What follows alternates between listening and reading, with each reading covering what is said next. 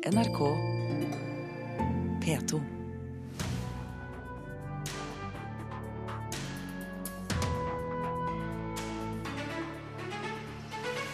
Norge støtter nye EU-sanksjoner mot Russland, men regjeringen vil fortsette kultursamarbeidet mellom landene. Storbritannia og Polen avbryter sitt kultursamarbeid. Publikumssuksess for spillet om Olav den hellige. Det blir antageligvis nattforestilling på Stiklestad neste år også. Norsk actionhelt i Hollywood-filmen 'Hercules', Ingrid Bolse Berdal, kommer til Kulturnytt. Og Bach på Olavsfestdagene var barokkmusikk på sitt aller, aller beste, sier vår anmelder. Og alt dette hører vi om i Kulturnytt i Nyhetsmorgen i dag. Flere land bryter kultursamarbeidet med Russland. Etter at et passasjerfly med 298 personer ble skutt ned over Ukraina, har både den britiske og den polske regjeringen avlyst sine bilaterale kulturår med Russland. Den norske regjeringen vil imidlertid ikke bryte det omfattende kultursamarbeidet mellom de to landene.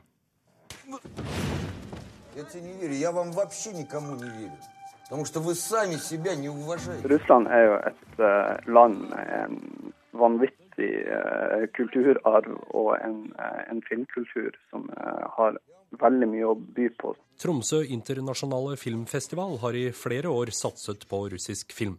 Med støtte fra det offentlige har festivalen kunnet presentere norske filmer i Russland og arrangere konserter og filmvisninger hos naboen i øst. Kommunikasjonssjef Håvard Stangnes mener kulturutvekslingen er viktig for festivalen. Vi har eh, gjort mange sånne prosjekter hvor vi har kobla sammen eh, kunstnere fra de to landene. Så det har selvfølgelig betydd eh, utrolig mye, og vi har fått mange fine resultater og, og gode samarbeidspartnere ut av det. Men samarbeidsklimaet er ikke like godt andre steder i Europa. Etter at et passasjerfly med 298 passasjerer ble skutt ned over Ukraina, har flere land trukket seg fra kultursamarbeid med Russland. Den engelske og den skotske regjeringen har nå trukket sin støtte til det russisk-britiske kulturåret som feires i år. Neste år skulle Polen og Russland feire sine kulturelle bånd gjennom en rekke arrangementer, men eh, i forrige uke avlyste Polens utenriksminister hele kulturåret. Den norske regjeringen ønsker imidlertid ikke å bryte kultursamarbeidet med Russland. Norge har slutta opp om de restriktive tiltak som EU har innført, men vi har vært nødvendig i lys av de folkerettsbruddene som har vært eh, begått. Så har vi et omfattende kultursamarbeid det går som eh, normalt, og det ønsker vi å videreføre. Det sier statssekretær i Utenriksdepartementet Bård Glad Pedersen. I 2009 inngikk Norge og Russland en avtale om å samarbeide om kulturprosjekter på tvers av grensene, som en del av regjeringens nordområdestrategi. Samarbeidet bidro bl.a. til at Bolsjoj-balletten gjestet Nordlysfestivalen tidligere i år.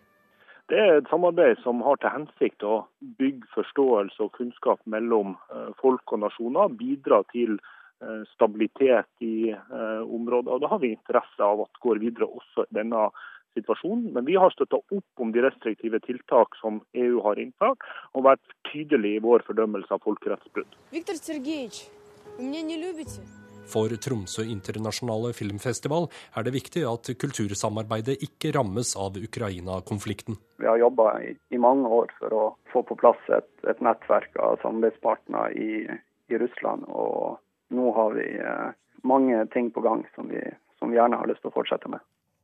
Og reporter her, Halvor Haugen. Regissør Bent Hamers nye film 1001 gram skal vises i det som blir kalt Mesterprogrammet under filmfestivalen i Toronto i Canada i september. I denne delen av programmet trekker festivalen frem anerkjente regissører, og Anne Dahl Torp har hovedrollen som vitenskapskvinnen i den nye filmen som handler om kontrollveiing av vårt nasjonale kilo på oppdrag for Justervesenet. Hamer er jo særlig kjent for filmene Eggs og Salmer fra kjøkkenet. Regissør Ridley Scott får eh, kritikk for rasistisk rollebesetning i sin nyeste film, ifølge Aftenposten. I Exodus, guder og konger, spiller den blonde og blåøyde Joel Edgerton fra Australia faraoen Ramses 2., mens Sigourney Weaver spiller hans mor, dronning Tuya. Filmen, som har USA-premiere og norsk premiere i desember, forteller historien om jødenes flukt fra Egypt.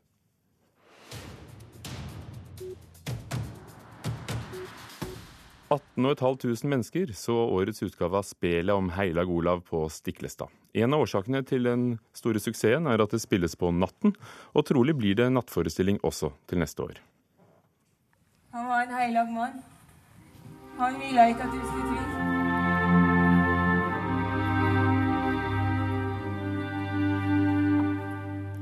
60 år etter at den første forestillinga på Stiklestad ble satt opp, strømmer publikum til. Historien om Olav den hellige og brytningstida mellom hedendom og kristendom interesserer. 8500 besøk på spillet. Så det er helt strålende. Spillet er på nivå med storåret i fjor. Og det har vært fantastisk uh, jevnt og stort besøk på hele arrangementet. Det sier Turid Hofstad, direktør ved Stiklestad nasjonale kultursenter. I fjor gjorde regissør Marit Moum Aune tidenes forandring med å legge forestillinga til natt. Ved hjelp av lyd og lys har Moum Aune skapt nok en suksess, sier direktør. Jeg tror det er skapt nysgjerrighet rundt omkring denne nattforestillinga.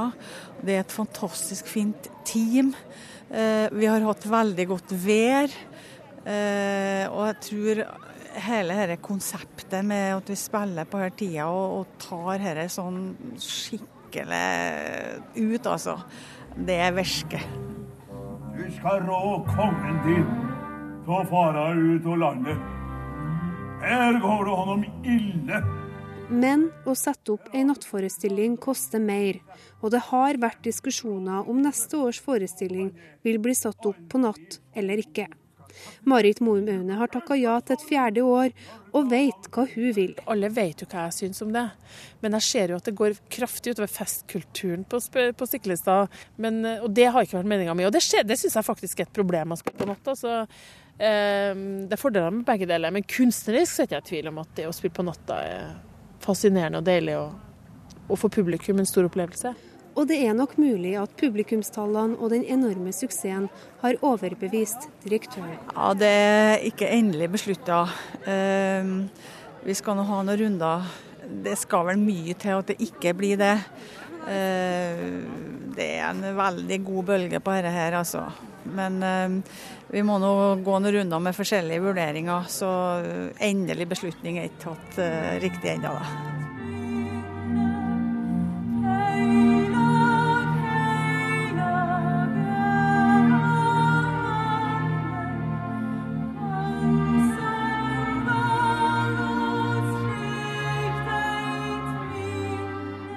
Fra spel om Heilag-Olav på Stiklestad i år. Det sa, også var Turi Hofstad, direktøren på Stiklestad nasjonale kultursenter, vi hørte, intervjuet av Kaja Kristin Næss. Filmen 'Hercules de trakiske krigene' bygger på greske myter, men er altså en Hollywood-film av det store slaget med mange slag, 3D og tre norske skuespillere. En av dem er Ingrid Bolse Berdal. Her sverger hun sin troskap. We will fight for you. We will die for you. Have faith in yourself. Now tell me, who are you? I am Hercules! Ingrid Bolse Berdal, du har på en måte foretatt den reisen vi akkurat gjorde, fra Stiklestad til eh, Hollywood og Hercules. For det var eh, der det begynte? Ja, vet du. Altså, det var så fantastisk å høre noen strofer her nå fra eh, Okkenhaug sin fantastiske musikk. Det var der det starta, ja. Inn på hest som Ranveig Tronsdotter i 99 foran tusenvis av mennesker. Jeg husker det som det var i går. Det var helt fantastisk. Det var ditt første slag, og her er du med som uh, det The Observer i uh, Storbritannia kaller supersexy bueskytter, uh, eller den norske actiondronningen. Hva er det med slag som du liker?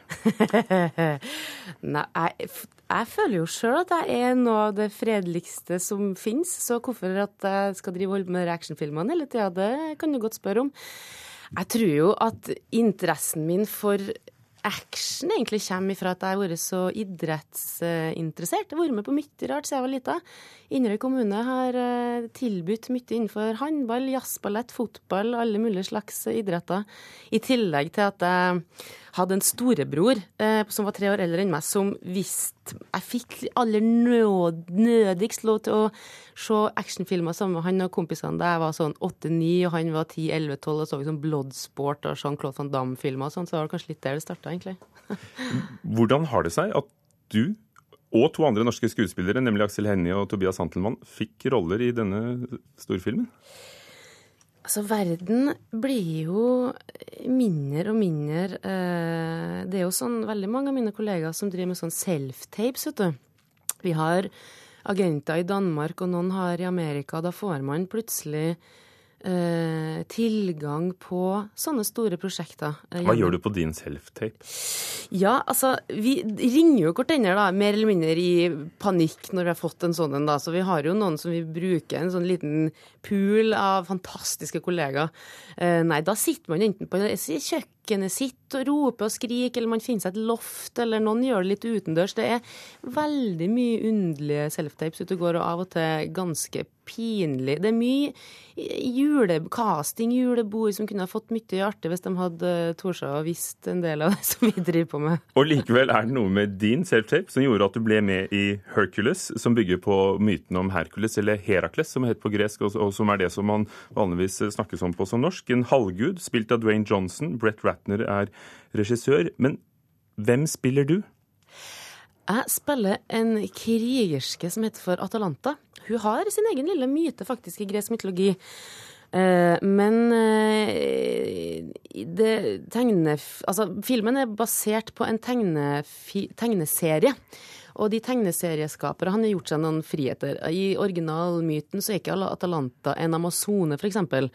Eh, det har de lagt til da, i denne tegneserien. Så i filmen så er Atalanta en buskytter, amazone meget eh, slåssdyktige, og en av de leiesoldatene som eh, omkranser Hercules. Det er jo en, en liten variant av den eh, myten. Hercules er jo i myten en halvgud. Her så har han blitt en leiesoldat med fem leiesoldater rundt seg. Så om han er en halvgud eller ikke, det må jeg nesten gå og se filmen for å finne ut også. Men hvordan var det på settet, da? Uh, vet du, det jeg har jo vært med på litt etter hvert, sånn at jeg, var jo forberedt, altså. Uh, og det er egentlig sånn via dem som kom på besøk, at jeg så egentlig hvor galskap det egentlig er. For når man går inn i det sjøl, så i hvert fall jeg blir veldig, veldig målretta og prøver å gjøre jobben min. Eh, altså, det, det, er vanskelig å forklare. 1000 statister, 1000 crewmedlemmer. Når vi skulle ha slagscener, f.eks. Lille meg, da. Eh, på en diger eh, altså battlefield som eneste kvinne. Jeg husker spesielt én episode hvor du skulle gjøre et one take, som det heter. Altså hvor det ikke skulle klippes, eh, men en beveg, et bevegelig kamera som skulle følge da fem forskjellige eh, krigere i, en, i ett take. Og det kanskje, tok kanskje to minutter eh, og 1000 statister. Det går ikke an å resette det noe spesielt eh, fort. Og da må man levere under press. Altså, det er ikke noe mye fømbel med buen. Som, eh, da må man bare få det til. Så det er en del stress, skal jeg si. Takk skal du ha, Ingrid Wollsø Verdal, actionkvinne og amazone i Hercules, som har premiere på norske kinoer på fredag. Du hører på Nyhetsmorgen i NRK P2 Alltid nyheter. Klokken er 16 minutter over åtte. Overskriften i dag. Foreldre får kort varslingstid før lærerstreiken eventuelt rammer deres barn. Varsel gis bare få dager før skolestart. Terrortrusselen mot Norge er ikke et argument for å bevæpne norsk politi, det mener justisministeren. Og minst 20 personer skal være blitt drept i et nytt israelsk angrep på en FN-skole på Gazastripen i natt, ifølge medisinsk personell. Og videre her i Kulturnytt skal det handle om kunst. Mange har eh, sikret seg kunstverk signert dronning Sonja i sommer. Dronningen har salgsutstilling i et eh, galleri noen kilometer utenfor Tvedestrand, og der har de satt publikumsrekord i sommervarmen. Så langt har over 1000 sett dronningens bilder. Vi hadde utstilling med Kjell Nupen for et par år siden, og da var det ikke så langt unna, men fullt så stort besøkstall har vi ikke hatt. Anette Marstrander driver galleri Sagesund noen kilometer utenfor Tvedestrand sammen med mannen sin. Siden 19.07 har Det Vesle Galleriet hatt en salgsutstilling med 26 ulike trykk signert dronning Sonja. Og vi er også ganske forundret over at så mange har funnet veien på disse fantastiske dagene vi hadde i forrige uke, hvor det var varme varmerekorder, tror jeg nesten. Det var jo helt ekstremt varmt her. At da ikke folk bare reiste ut på sjøen, det syns vi er helt utrolig. Men hva tror du er årsaken til at eh, folk finner veien hit likevel? Nei, Hun eh, skaper jo stor interesse rundt seg, eh, dronningen. Og det er en flott ting at hun lager kunst, og det er folk nysgjerrige på. Publikum som stakk innom galleriet i går formiddag, likte det de så. Helt fantastisk. Jeg hadde ikke forventet det sånn. Jeg var litt skeptisk. Jeg trodde jeg hadde sett mer enn dupen i bildene, men jeg syns det var helt fantastisk. Det er spennende og interessant. Jeg syns det er et dristig prosjekt å tørre å stille ut bilder når du har en sånn posisjon. Det er veldig fint. Det er masse bra bilder fra naturen og sånn. Ja, det var veldig forfriskende og fint. De var fine og fargerike. Vi ble veldig overraska. Og det er positivt overraska. Jeg er glad for vi har fått utstillinga til Sørlandet. Det er jeg veldig glad for. Utstillinga er den eneste dronninga har i sommer, og det var nå avdøde Kjell Nupen som anbefalte henne lokalene. Det var Kjell Nupen som har vært eh, mentor og hjelper for eh, dronningen. Som eh, lurte på om ikke dette galleriet passet for hennes bilder. Og spurte oss for litt under et år siden om vi kunne være interessert i å ha utstilling med henne i 2015. Men så ble Kjell syk. og da ville han heller at det skulle være i 14, for da ville han sannsynligvis også kunne klare å oppleve denne utstillingen. Nå gjorde han dessverre ikke det, fordi at sykdommen gikk fortere enn man kunne håpe. Men han eh, fikk i hvert fall i gang at denne utstillingen kom i gang. Ifølge Tvedestrandsposten ble det solgt rundt 100 bilder og omsatt kunst for 700 000 kroner bare i åpningshelga. Galleriet ønsker ikke si nøyaktig hvor mye som er solgt, men Marstrande bekrefter at salget er godt. Det har vært solgt mange bilder, og prisene er jo veldig overkommelige for eh, folk flest. De rimeligste er på 3500. Og dermed så er det jo altså, mange som har kjøpt, og flere som har kjøpt flere bilder også. Det har vært en stor suksess. Det har det. Både besøksmessig og også omsetningsmessig har det vært en stor suksess for oss. Overskuddet fra utstillinga skal gå til et fond for unge nordiske kunstnere. Fondet er laga av Kjell Nupen, Ørnulf Oppdal og dronning Sonja. Har dere fått noen tilbakemeldinger fra dronningen sjøl? Nei, ikke annet enn at hun var og så utstillingen lokalene før vi åpnet. Hun var veldig godt fornøyd med det hun så, særlig den gamle delen av galleriet som er veldig små rom i et gammelt tømmerhus.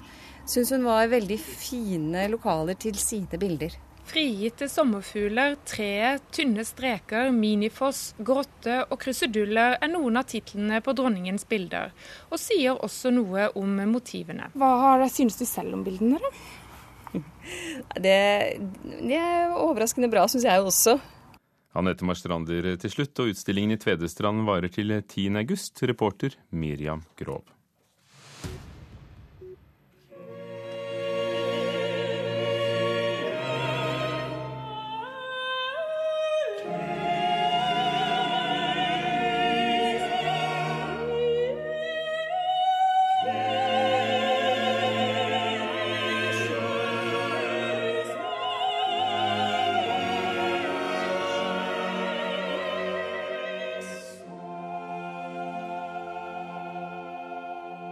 Er den mektige åpningen fra Johan Sebastian Bachs messe i H-moll, fremført i Trondheim i går kveld under Olavsfestdagene.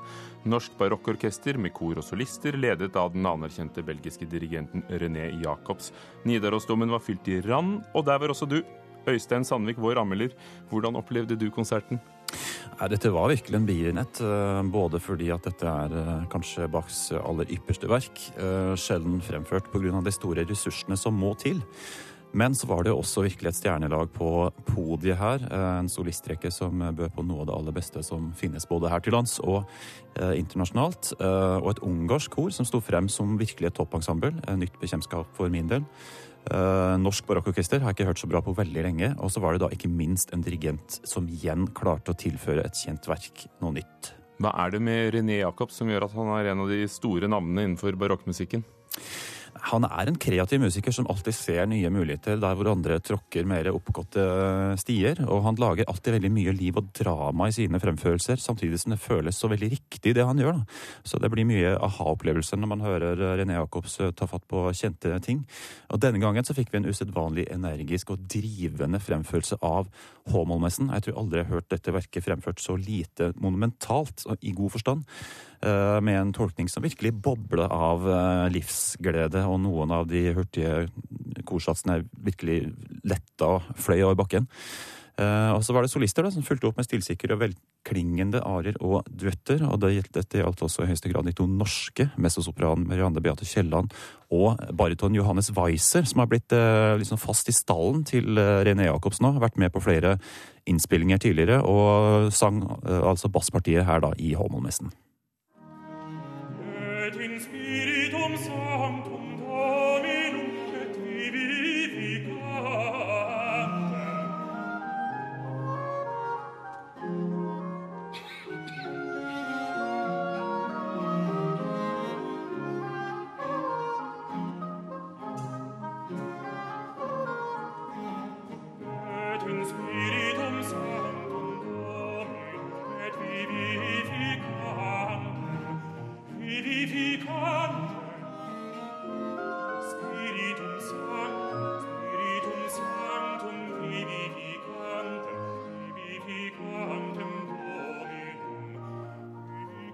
Dette er altså Johannes Weiser som solist i en sats fra Credo-leddet i Bachs Håmålsmesse. Øystein Sandvik, eh, hvordan var både Weiser og de andre solistene? Ja, Det var jo mange av René Jacobs, eller flere av René Jacobs faste solister eh, her. da. Eh, Weiser eh, overbeviser igjen med sin veldig uanstrengte klang eh, oppe i høyden. og Det er, det er enkelt, men samtidig veldig uttrykksfullt. Eh, Så er det tenoren Werner Gyra som eh, ja, er kanskje den ledende lyriske tenoren i verden akkurat nå da, innenfor dette faget. Virkelig glimtet til med en veldig gripende Benedictus-fremføring. Eh, Et nytt bekjentskap for min del var kontratenoren Benno Schachner, som kom bitte litt skjevt ut i sin fremførelse av Anjos D., men som etter hvert ga oss en helt magisk og gripende fremføring av dette kanskje rosinen i pølsa da, i dette store verket. Vi følger med, for dette skal jo også sendes i P2 senere i sommer, nemlig den 16. august. Eh, Og koret, da? Det ungarske koret med det engelske navnet Purcell Choir Budapest. eh, De sto for Håmålmessens eh, mange korpartier. Ja, det var eh, et nytt eh, bekjentskap for min del, eh, men sto virkelig fram som et toppensemble. Altså, dette er et prosjektkor som møtes noen ganger i året, eh, profesjonelle sangere, og gjør prosjekter. Men det, det låt eh, virkelig som om det var eh, Ria Skammekor, eller et av de beste korene man hadde foran seg. Eh, veldig solid trøkk i hele fra topp til bunn, og en sopranrekke som virkelig glitrer. Og de hadde heller ingen problemer med å takle mange av de veldig hurtige tempiene til René Jacobs i disse mange korpartiene. Eh, tydelig artikulasjon hele veien, og det låt virkelig uanstrengt og fint. Men hvis du måtte sette fingeren på noe, hva skulle det vært? Ja, det er klart det blir alltid en del svakheter i et så stort uh, verk. Altså, det er litt upresist her og der. Det er en stor akustikk i Nidarosdomen. Det er litt sånn ubregnelige barokkinstrumenter i en kirke med stor luftfuktighet. Så blir det litt sånn småsurt uh, noen ganger. Og så kan man jo selvfølgelig innvende da, at uh, du mister et eller annet når det blir så sprettent og lettbent som René Jacobs gjør det. Eh, Noen steder så kunne kanskje René Jacobs ha tatt seg litt bedre tid, senka tempoet litt og fått litt mer av denne litt storslående verdigheten da, som kanskje mange ønsker seg i dette verket. Så hvis du skal konkludere? Nei, altså Vi kan ikke si annet enn at dette var barokkmusikk på sitt aller eh, beste. Det var norske og internasjonale toppsolister. Eh, Norsk barokkorkester har virkelig løfta seg igjen etter en liten Dan Parede. Og det er en dirigent som igjen overrasker. Hva skal vi høre til slutt? For der har du plukket ut noe. Ja, det blir jo rett og slett å slutte med slutten. Dona Nobis Pacem, som da avslutter dette ja, drøyt to timer lange monumentale verket fra Johan Sebastian Bachs ånd. Så her hører vi da dette ungarske koret.